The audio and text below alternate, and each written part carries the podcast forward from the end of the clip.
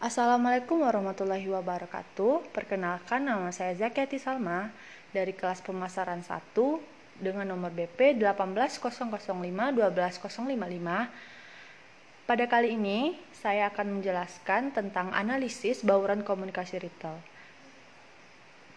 Sebelumnya, saya akan sedikit menjelaskan apa itu bauran komunikasi retail. Tujuan program komunikasi ada dua, yaitu yang pertama, long term atau manfaat jangka panjang. Manfaat jangka panjang terbagi lagi menjadi dua. Yang pertama, membangun citra merek toko retail maupun merek private label.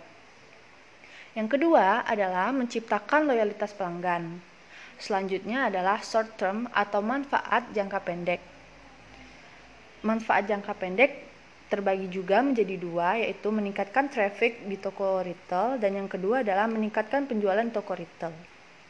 Hal utama yang harus dikomunikasikan kepada pelanggan adalah keberadaan merek, karena merek adalah suatu nama atau simbol pembeda seperti logo yang mengidentifikasikan produk atau jasa yang ditawarkan oleh penjual dan membedakan produk atau jasa itu sendiri. Nilai yang ditawarkan oleh citra merek dari suatu retail disebut dengan merek ekuitas atau brand equity. Suatu citra merek yang kuat memungkinkan retail untuk meningkatkan marginnya. Karena ketika retail memiliki citra merek yang baik dan kuat maupun membangun kesetiaan pelanggan dan juga dapat melibatkan harga. Loyalitas pelanggan atas suatu merek akan memunculkan peningkatan peningkatan kesadaran bahwa merek itu baik dan juga dari ikatan emosional terhadap uh, merek itu tersebut. Oleh karena itu, peritel harus mampu membangun ekuitas merek. Selanjutnya ada aktivitas yang dapat membangun ekuitas merek bagi perusahaan retail. Yang pertama adalah menciptakan kesadaran merek yang tinggi yang kedua, mengembangkan asosiasi yang menyenangkan dengan nama merek. Dan yang ketiga adalah memperkuat citra merek secara konsisten. Kesadaran merek atau brand awareness adalah kemampuan calon pelanggan untuk mengenali atau mengingat bahwa nama merek itu adalah suatu produk atau jasa yang tertentu. Mengembangkan asosiasi yang menyenangkan dengan nama merek berikut asosiasi umum yang dikembangkan oleh retail dengan nama merek adalah yang pertama adalah asosiasi terhadap kategori barang dagangan yang paling umum.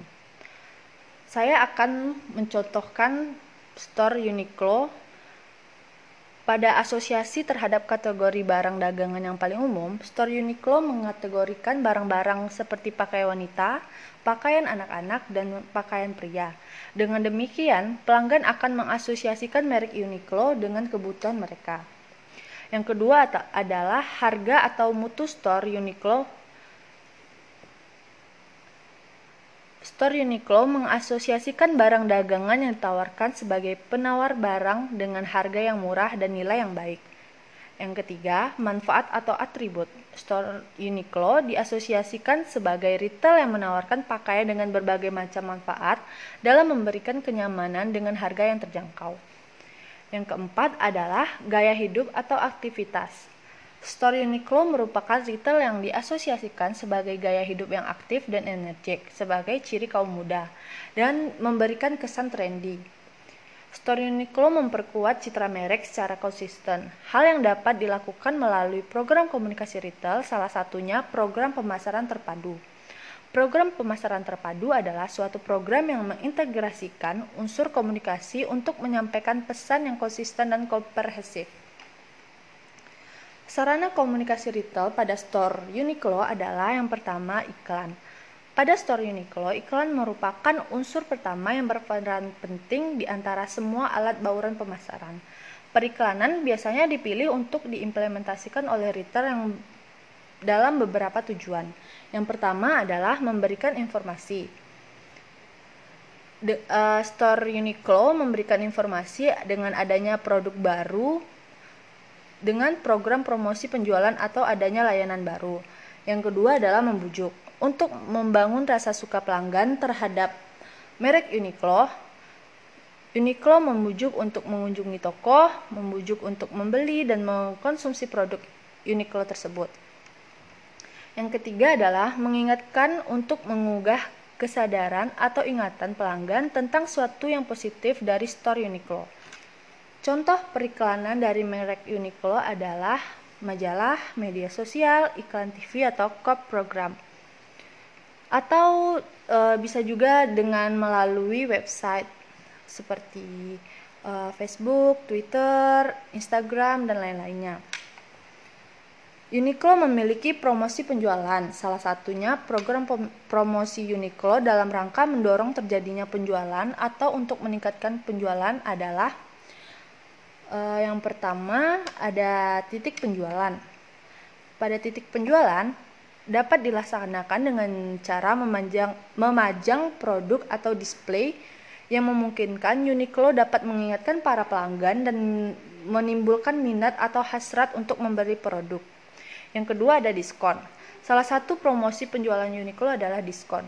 Diskon ditujukan kepada pelanggan untuk mendapatkan potongan harga khusus saat mereka berbelanja. Uniqlo dapat mengiklankan potongan harga khusus bagi para pembeli setia. Lalu selanjutnya adalah sampel produk. Sampel produk adalah contoh produk yang diberikan Uniqlo secara secara cuma-cuma yang tujuannya adalah memberikan gambaran baik dalam manfaat atau rupa dari produk yang diberikan. Yang keempat adalah program pelanggan setia atau frequency support program. Uniqlo membelikan estimasi kepada pelanggan dengan dibeli, diberi poin atau diskon berdasarkan banyaknya jumlah belanja yang dilakukan oleh pelanggan. Dalam bentuk poin, dapat dikumpulkan sampai jumlah tertentu dan dapat ditukarkan dengan barang. Lalu yang kelima adalah acara khusus atau special event. Uniqlo juga mengadakan acara fashion show tahunan untuk memberikan gambaran atau memperlihatkan produk yang akan dipasarkannya. Uh, sekian has, uh, promosi penjualan dari merek Uniqlo atau store Uniqlo. Apabila ada kesalahan kata atau ucapan, mohon dimaafkan. Wabillahi taufiq wal hidayah. Wassalamualaikum warahmatullahi wabarakatuh.